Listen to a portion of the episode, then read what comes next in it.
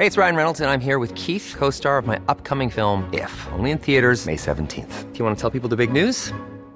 All right, I'll do it. Sign up now and you'll get unlimited for $15 a month in six months of Paramount Plus Essential Plan on us. Mintmobile.com slash switch. Upfront payment of $45 equivalent to $15 per month. Unlimited over 40 gigabytes per month. Face lower speeds. Videos at 480p. Active Mint customers by 531.24 get six months of Paramount Plus Essential Plan. Auto renews after six months. Offer ends May 31st, 2024. Separate Paramount Plus registration required. Terms and conditions apply if rated PG. Cool fact a crocodile can't stick out its tongue. Also, you can get health insurance for a month or just under a year in some states. United Healthcare short term insurance plans, underwritten by Golden Rule Insurance Company, offer flexible, budget friendly coverage for you. Learn more at uh1.com. Quality sleep is essential. That's why the Sleep Number Smart Bed is designed for your ever evolving sleep needs. Need a bed that's firmer or softer on either side? Helps you sleep at a comfortable temperature? Sleep Number Smart Beds let you individualize your comfort so you sleep better together. JD Power ranks Sleep Number number 1 in customer satisfaction with mattresses purchased in-store. And now, save 50% on the Sleep Number limited edition Smart Bed for a limited time. For JD Power 2023 award information, visit jdpower.com/awards. Only at a Sleep Number store or sleepnumber.com.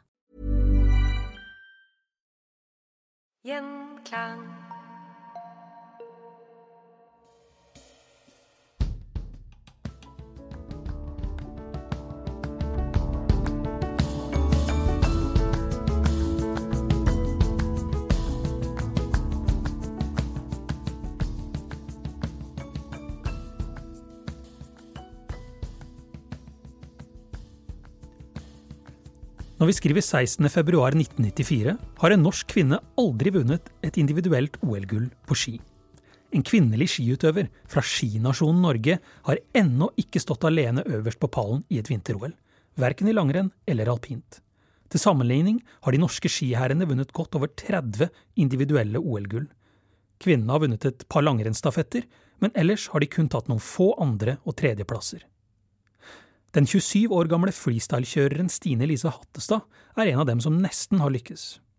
I Calgary i 1988 var kulekjøring såkalt oppvisningsgren, og foran et rekordstort publikum endte Stine på fjerdeplass. Hun var så forbanna på dommerne etter rennet at hun slo en av stavene mot skien så hardt at den knakk. Så gjorde hun like godt det samme med den andre staven. Da NRKs kommentator Knut Theo Gleditsch forsøkte å huke tak i faren hennes for et intervju etter rennet, var sistnevnte så flau over datterens sinneutbrudd at han nektet for at han var faren hennes. Stine Lise? Nei, det visste han ikke hvem var. I Albertville tok Stine bronsemedaljen. Selv følte hun at hun tapte gullet. Planen hadde vært å avslutte skikarrieren med å synge Ja, vi elsker i Frankrike. Men halvveis nede i bakken, etter å ha kjørt strålende på toppen, ble hun plutselig redd for å tape. Så hun tapte. Nå er det Lillehammer om to år, og da snakker vi gull, ikke sant? spurte NRK-reporteren henne på oppmuntrende vis rett etter konkurransen. Stine hengte gule Post-It-lapper overalt i leiligheten, med argumenter for og mot en videre satsing mot OL på hjemmebane. Etter et par måneder begynte limet på lappene å gå i oppløsning, slik at de falt ned, og hun satte seg ved kjøkkenbordet for å lage en liste over ting hun var redd for. Sånn innleder forfatter Magnus Helgerud kapittelet 16. februar i boka 16 dager på Lillehammer, som er en biografi om vinter-OL i 1994, som eh, vi bruker litt tid på i Historier som endret Norge denne uken her. Eh, det er 30 år siden eh, OL på Lillehammer. Og mm, når jeg leste i boka, så var det ganske overraskende for meg å lese at Norges første individuelle skigull på kvinnesiden kom i 1994. Jeg skulle tro det kom før. Ja. At man må helt til 1994 før en norsk kvinne tar et individuelt OL-gull på ski, det er ganske bemerkelsesverdig, og jeg ble meget overraska over det selv når jeg gjorde research til denne boka. Man kom ganske nært i 1936 med Laila Skau Nilsen, som vel vant utfordelen av um, kombinasjonen i, i Garmisch men hun vant ikke gullet til sammen. Um, og en av de tingene jeg har forsøkt å gjøre da, i denne boka 16 dager på Lillehammer, det er jo å portrettere en del idrettsutøvere i 1994 som bærer en historie som er større enn dem selv. Eh, og i tilfelle Stine Lise Hattestad, så bærer altså hun på en måte historien da, om både motstand mot kvinner i OL-sammenheng, og, spesielt i norsk vinteridrettssammenheng, og hun bærer også på historien om motstand mot alt som er nytt innen vinteridretten. Um, og hva gjelder motstand mot kvinner, så har man en rekke ganske absurde eksempler på det i norsk eh, vinteridrettshistorie.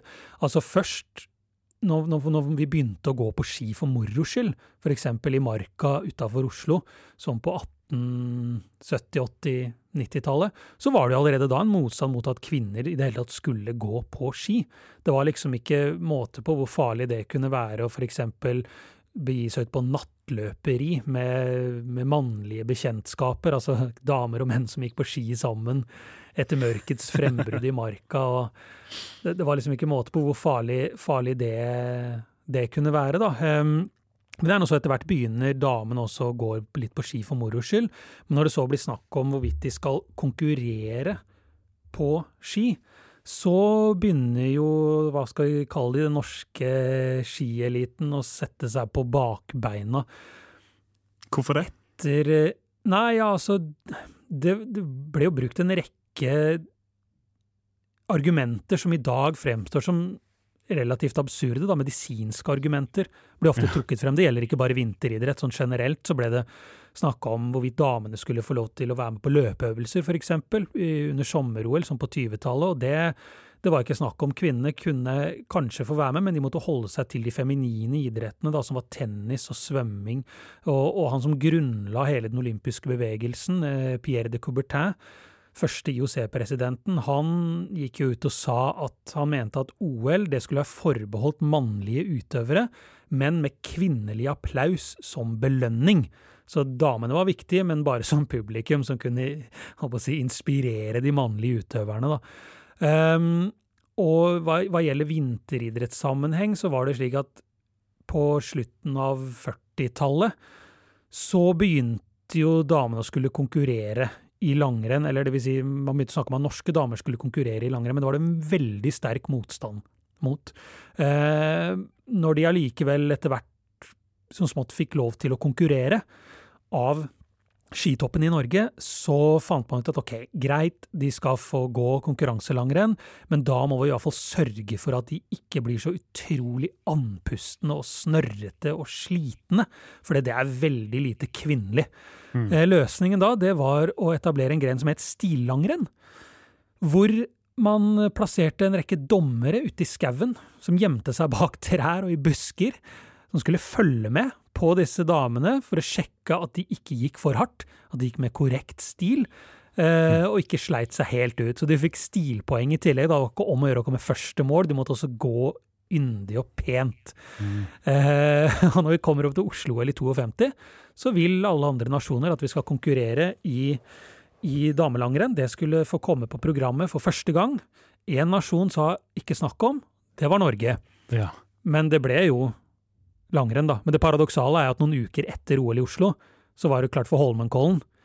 Der fikk ikke damene gå langrenn. Nei. Så Norge var veldig lenge, satt veldig lenge på, på bakbeina hva gjaldt eh, kvinnene i, innen skiidrett. Og det som skjer da, er at du får jo en veldig sånn, dårlig satsing på det i mange år.